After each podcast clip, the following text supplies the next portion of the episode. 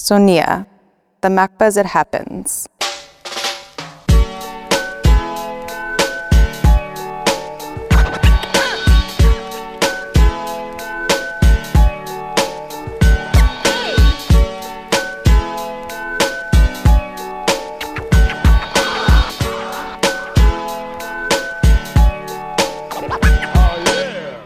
Fatima El-Tayeb is Associate Professor in the Departments of Literature and Ethnic Studies and Director of the Critical Gender Studies program at the University of California, San Diego.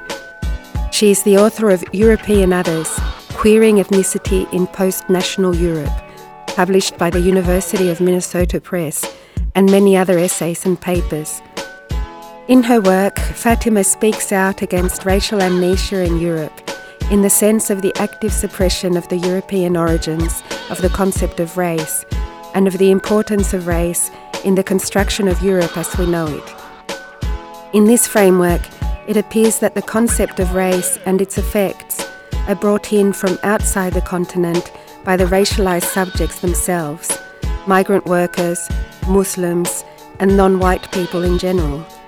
According to this narrative that Stuart Hall describes as internalist, Europe is a self sufficient, originating source that sees itself as spearheading a progressive timeline, while anything outside of the continent remains seemingly anchored in an earlier time.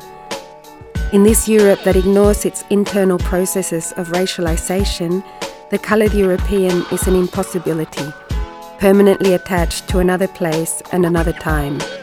Sonia talks to Fatima El-Tayeb about the need to reassess Europe's internalist narrative and the discourse of integration. She evaluates the role of race in the construction of this account and argues for the creation and recovery of archives as a strategy for developing other types of narratives.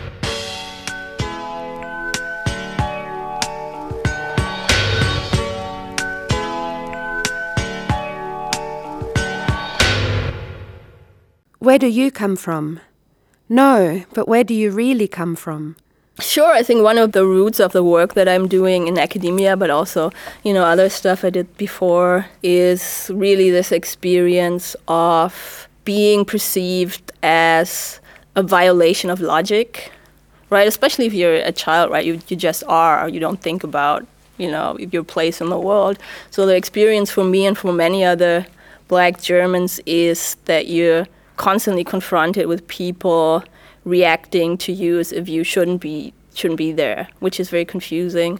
What is interesting about this, or what I learned later, is that this is something that has been going on for a very long time. So my perception was because that's how people treated me that you know there have never been black people in Germany before. That's why you know they would come up to me and ask me where I come from, blah, blah, blah.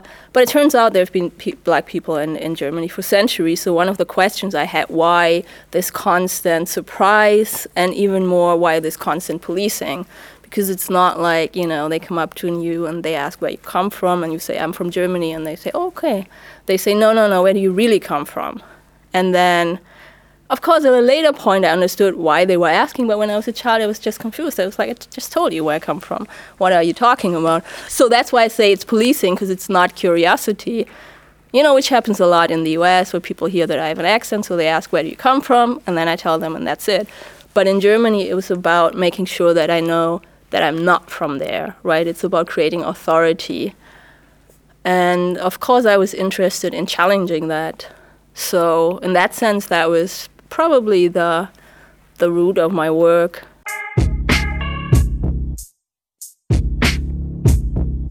But I think it would probably have been not too different had I grown up in I don't know Hungary or Spain or somewhere else in Europe. I think in some ways this is something that is really particular for Europe. It plays out in different ways in different national contexts, of course, the French would never deny that there was colonialism where the Germans um, do that. But the assumption that this is something that is not central to European history, not only national history, is something that's shared by everybody, really.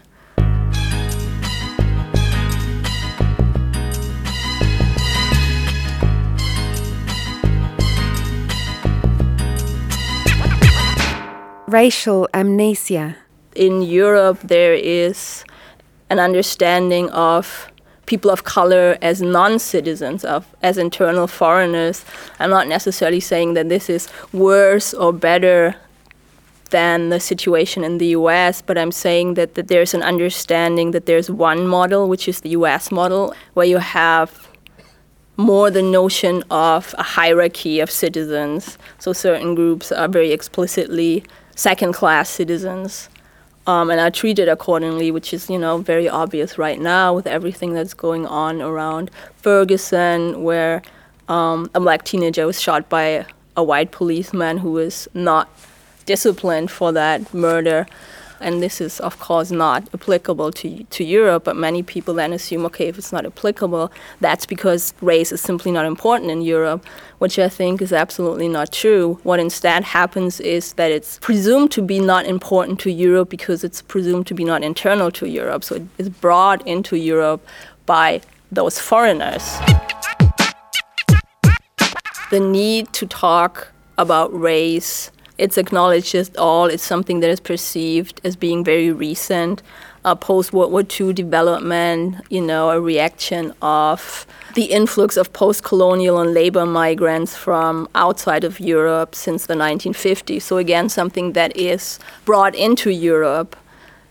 But what that means is that the fact that race started in Europe, right, and then was imposed on the world and was central to Europe's definition of itself is completely ignored. And what I'm claiming is that this is not only something that is just somehow forgotten, this is something that is actively suppressed. What I try to grasp with racial amnesia is, for once, I'm trying to place race back into Europe, and I try to address the fact that the silence around race is not passive but active. It's an active process of exclusion of certain histories, but also of certain people who embody that history. Reassessing Europe's historical narrative.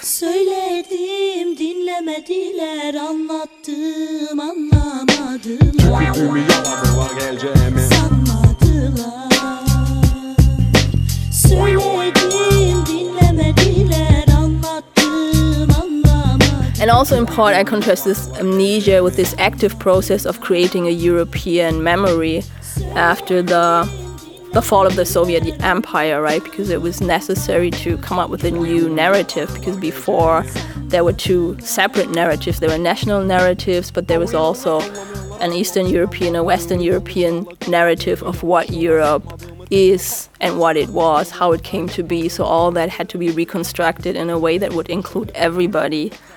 Um, so there was a new, there was a chance to reassess the narrative of Europe. But what happened was that certain people and certain histories remained completely excluded, including um, the history of colonialism and how impossible that is. I think becomes very, very obvious, and was very obvious. For example, um, this summer when there were all of these protests against the Israeli invasion of Gaza, and a lot of discourse in Europe framed that as anti Semitic, whereas for the, many of the people who were on the streets, it was anti colonial, which is obviously very different.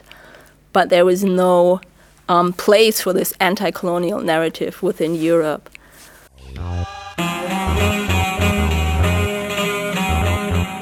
Çek içine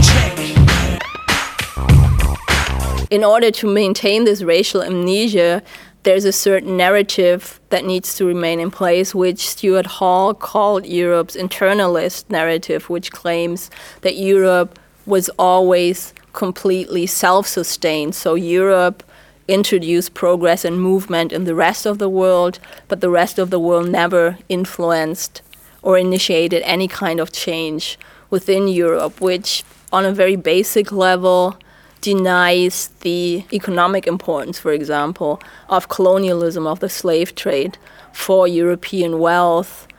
Um, but there are a lot, a lot more effects to that. So, in order to see Europeans of color as legitimate Europeans, as as European as white Europeans are there would be a need to admit that Europe never had an internalist history, that it was always entangled with the histories of other parts of the world, that the very notion of Europe is an artificial construct, which is not necessarily bad, but you know, it's it's important to acknowledge that the borders of Europe are ideological borders much more so than real or natural borders.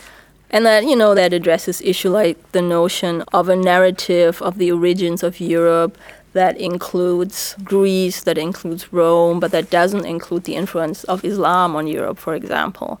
And acknowledging that Islam was central to the European Renaissance doesn't necessarily have to be a challenge to European identity, but it is a challenge in the current constellation where it's important to define Europe as different from and better than both Islam and obviously also the practitioners of Islam, Muslims, which make up the largest non Christian minority in Europe.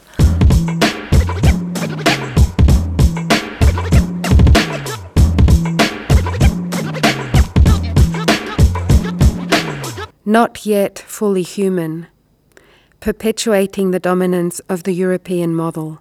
The Enlightenment notion of universalism is on paper great and it claims that you know we're all human and that there is an essence of humanity that is shared by everybody but this essence of humanity is of course defined very much as european. So you have a model of being human that is european and then against this model other people are measured. In that sense, directly necessary to justify, for example, slavery by being able to claim that Africans are so divergent from this model of human that they could actually be treated as non human, as animal, or even as things, because black people basically were a commodity and were treated as such.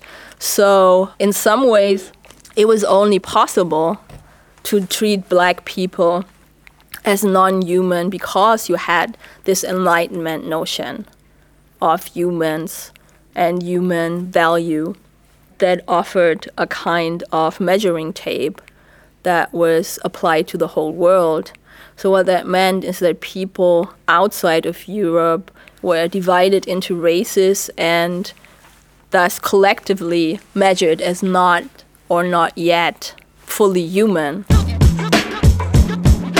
but they were also placed in a different time. So the notion was very much, and it's still really the idea right now is that Africans in the present, in the 21st century, also live in the Stone Age.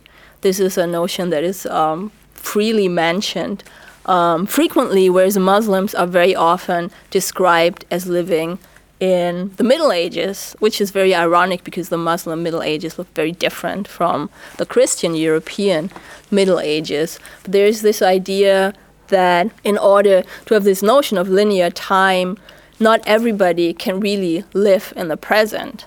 Because then, how do you decide who is this crown of humanity and most progressive? So, what you do is you assign a timeline to the world so then what that means is that becoming European for, for example, Muslims or other racialized groups also means having to come into the present. So they come out of an earlier, more primitive stage in terms of civilization, democracy, their understanding of gender relations, and so on, and they have to be brought into the present. What that implies, of course, is that nobody can ever be ahead of Europe. The idea that Muslim Europeans or other groups would have anything to teach Europe, would be more advanced than Europe in any way is completely inconceivable in that model.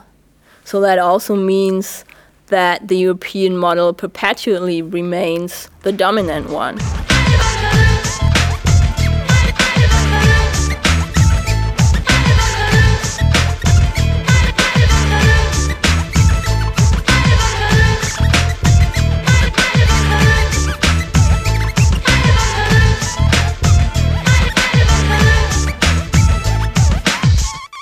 the Roma and the rhetorics of assimilation? I think one of the first liberal arguments is always there's a certain clash of cultures but both sides need to make compromises. So, dominant European society has to become more open, has to, for example, consider the notion that Islam might become a European religion, but at the same time, Muslims and other groups also have to adapt to European values. You know, they have to become more progressive in terms of of gender relations and so on, and then integration will be happening, and the clash will be more or less resolved. But this notion, I think, is really, really shown as complete nonsense if you look at the history of Roma, who've been um, in Europe for many, many, many centuries. The idea that people who have been European for 500 years, 600 years, 700 years still are not European shows that assimilation is an impossibility as long as you're perceived as a racialized other. And this is exactly what happens to the Roma. They are perceived as more foreign than many other immigrant groups because there's a notion that they have failed to become European and they're constantly punished for that, right? There are no European nations in which there's not violence against Roma. Pretty much, this is one of the things, if you look at European similarities, that becomes very obvious. This is not something that is um, only only part of Eastern Europe, which is another argument that is used in Western Europe when talking about racist violence, the idea that Eastern Europe is also behind in terms of time because its development had been hindered by being part of a communist empire. So the idea that Eastern Europeans have to catch up to Western European demo- democracy. Um, and then in that context, there sometimes is an admittance of violence against Roma, but of course, this violence exists in the West as well and has always existed and you had pogroms in France, in Italy. You have violence against Roma widespread in Germany. So this is something that is certainly a European phenomenon. And if that happens to the racialized group in Europe that has been here the longest, what does it mean for more recent groups? It means that this rhetoric of integration is something that they should be very, very distrustful of.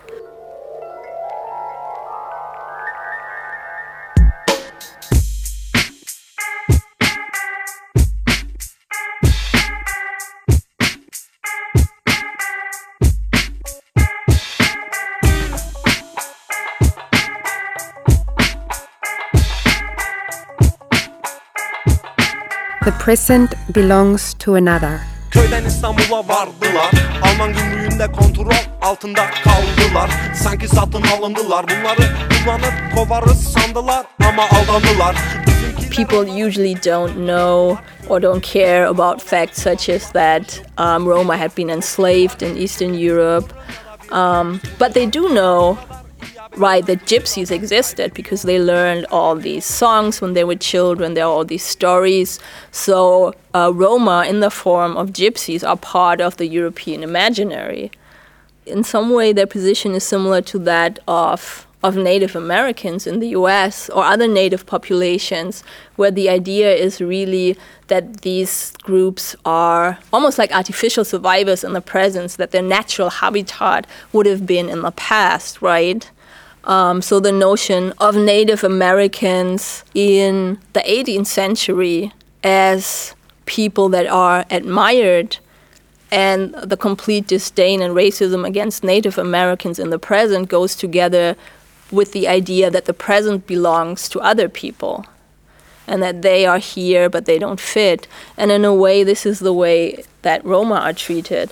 That there's a notion that there's something romantic about the life that Roma read, led a couple of hundred years ago, but right now that they're out of time and out of place and that they have to be punished for that. Kadıköy'de Aleyküm selam Selamun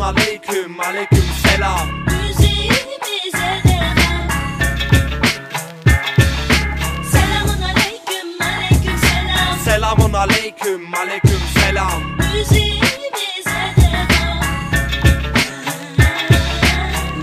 Exclusive and homogenous communities, reinforcing conservative positions. So this notion that Europeans are incredibly progressive in terms of gender and Muslims are incredibly backwards first constructs Europeans and Muslims artificially as exclusive communities and then as homogeneous communities because there's, of course, a lot of dissent about those so called values. And again, it also excludes the option that there might be other ways to form groups, that there might be certain people who have an understanding of gender relations that is not shaped by their identity as Muslim or as Christian, there's a long history of feminist activism, including Muslim feminists, that is completely denied in this in this narrative. And what is characteristic of many Muslim feminist groups was that they challenged patriarchal notions within the Muslim communities, but also within the dominant European community.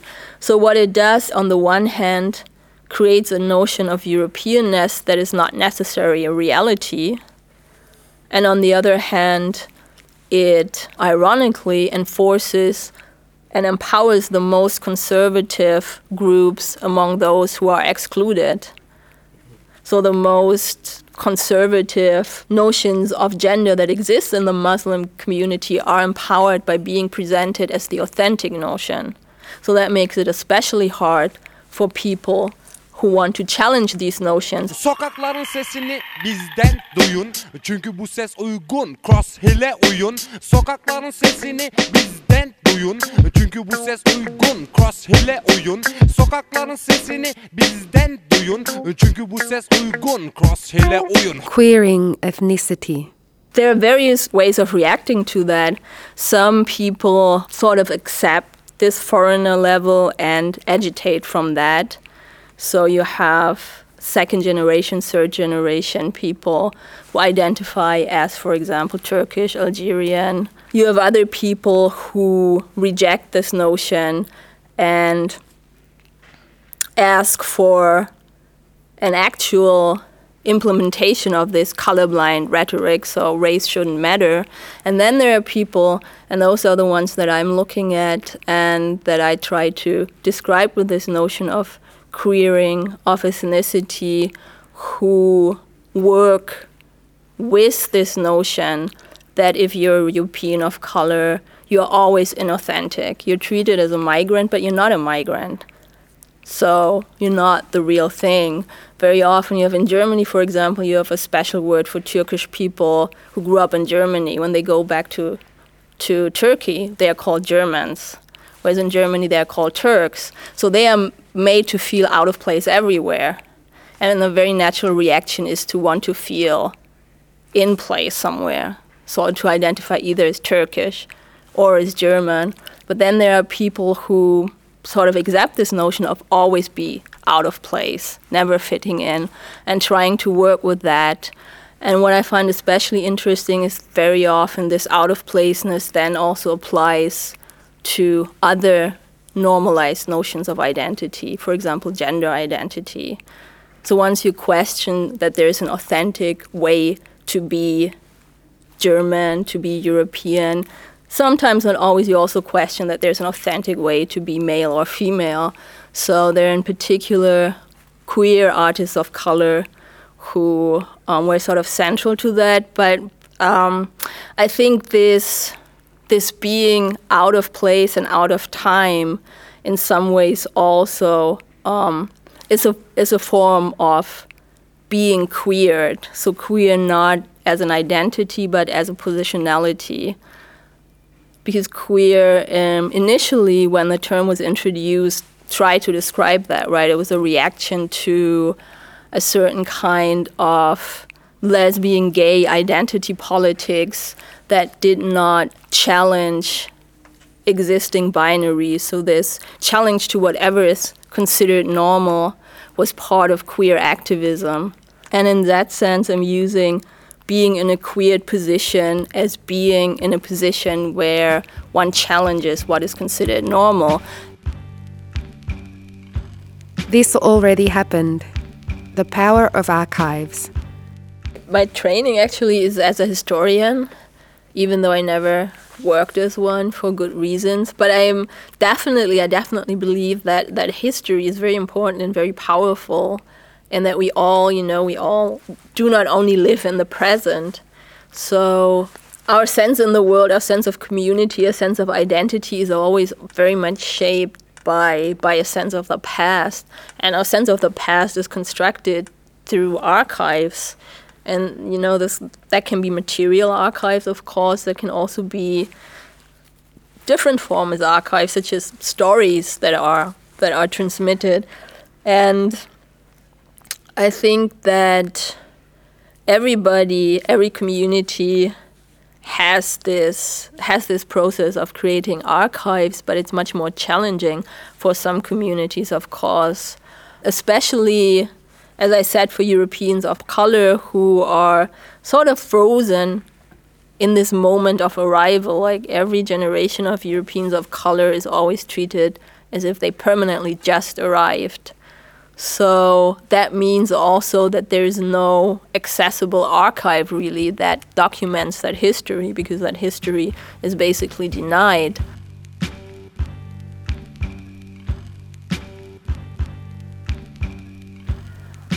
I was at like a terrible conference in the Netherlands a couple of years ago on homo nationalism.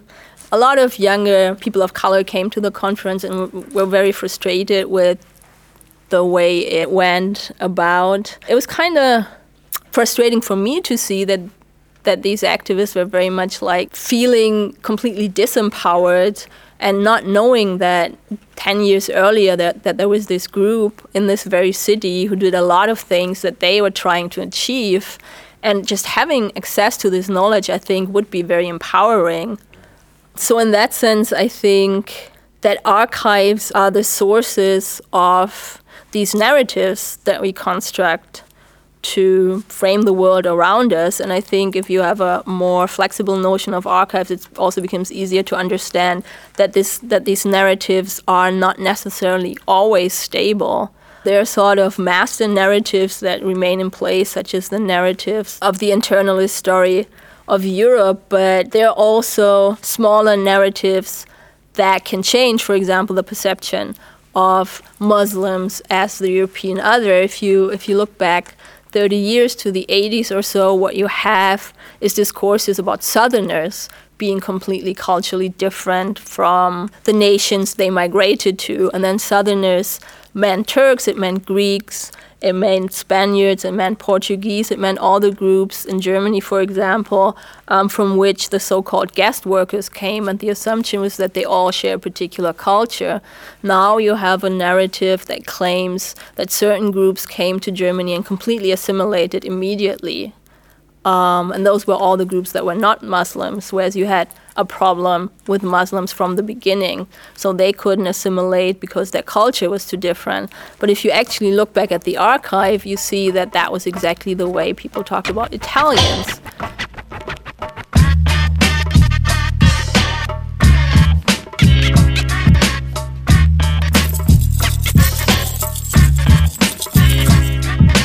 Para, bana, para, baba Şeker mi? Yok bana para Sabahları isterim, öğlenleri isterim Hip hop as an archive. geceleri parayı. Hammer versus Haneke. one of the things that hip hop sort of always consciously did was create archives.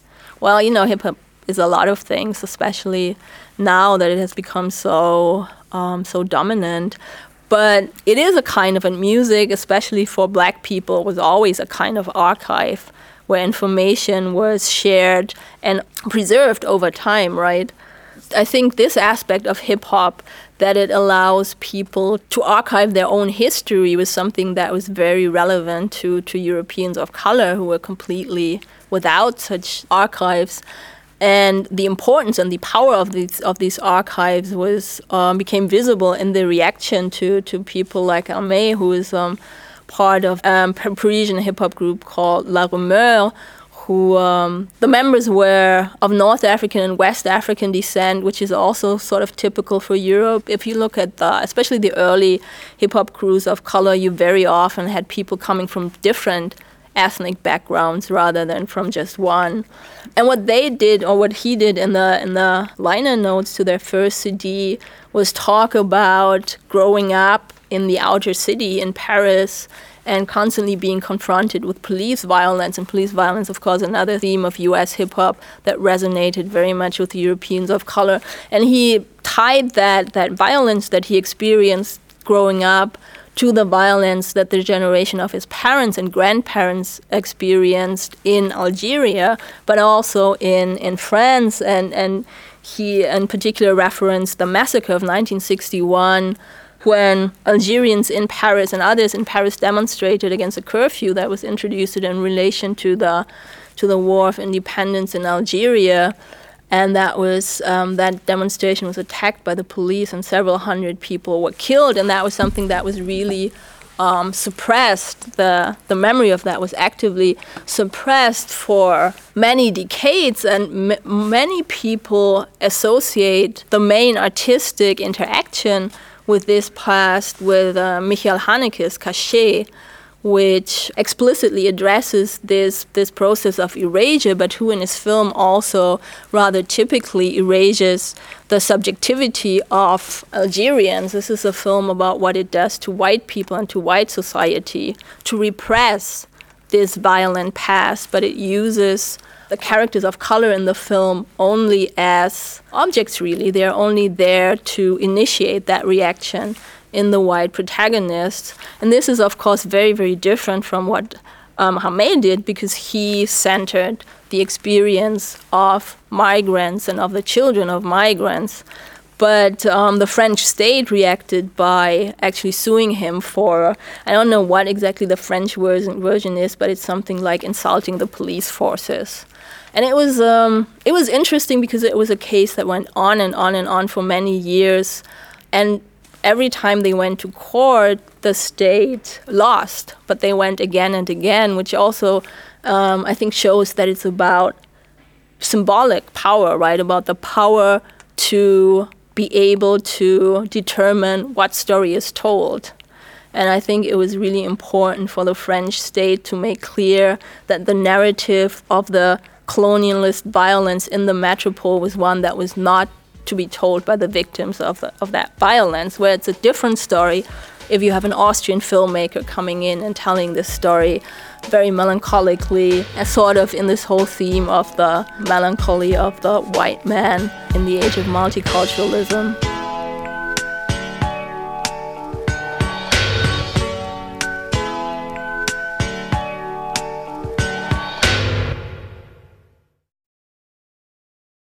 Macba.cat.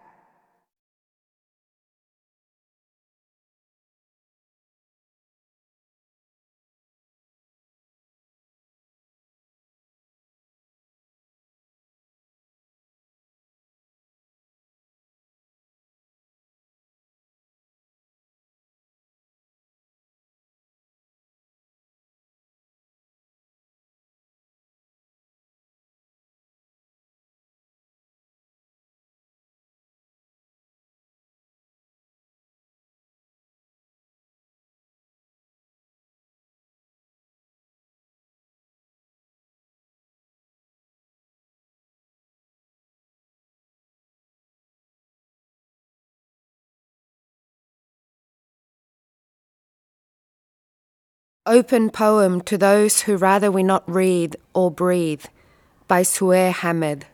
Fascism is in fashion, but we be style. Dressed in sweat, danced off Taino and Arawak bodies, we, children of children exiled from homelands, descendants of immigrants denied jobs and toilets, carry continents in our eyes, survivors of the Middle Passage, we stand and demand recognition of our humanity. Starving for education, we feed on the love of our people. We flowers, the bloom on Amsterdam Avenue, though pissed on by rich pink dogs through concrete cracks. We passion kiss in the backs of police vans, recite poetry in prison cells. Stained walls in blood tracing brutality know the willows she weeps for. We, her jassy tears, taste the fruit of Brooklyn trees. Fascism is in imperial fashion, but we be style. Our tongues, long slashed to keep silence, wear blood jewels. Our heads sport civilizations, hips velvet wrapped in music. and you can see the earth running right under our skin. In a state of police, cops act as pigs, treat men as dogs, mothers as whores. The bold youth of a nation hungry and cold, an entire nation of youth behind bars grown old. The mace and blood did not blind. We witness and demand a return to humanity. We braid resistance through our hair, pierce justice through our ears, tattoo freedom onto our breasts.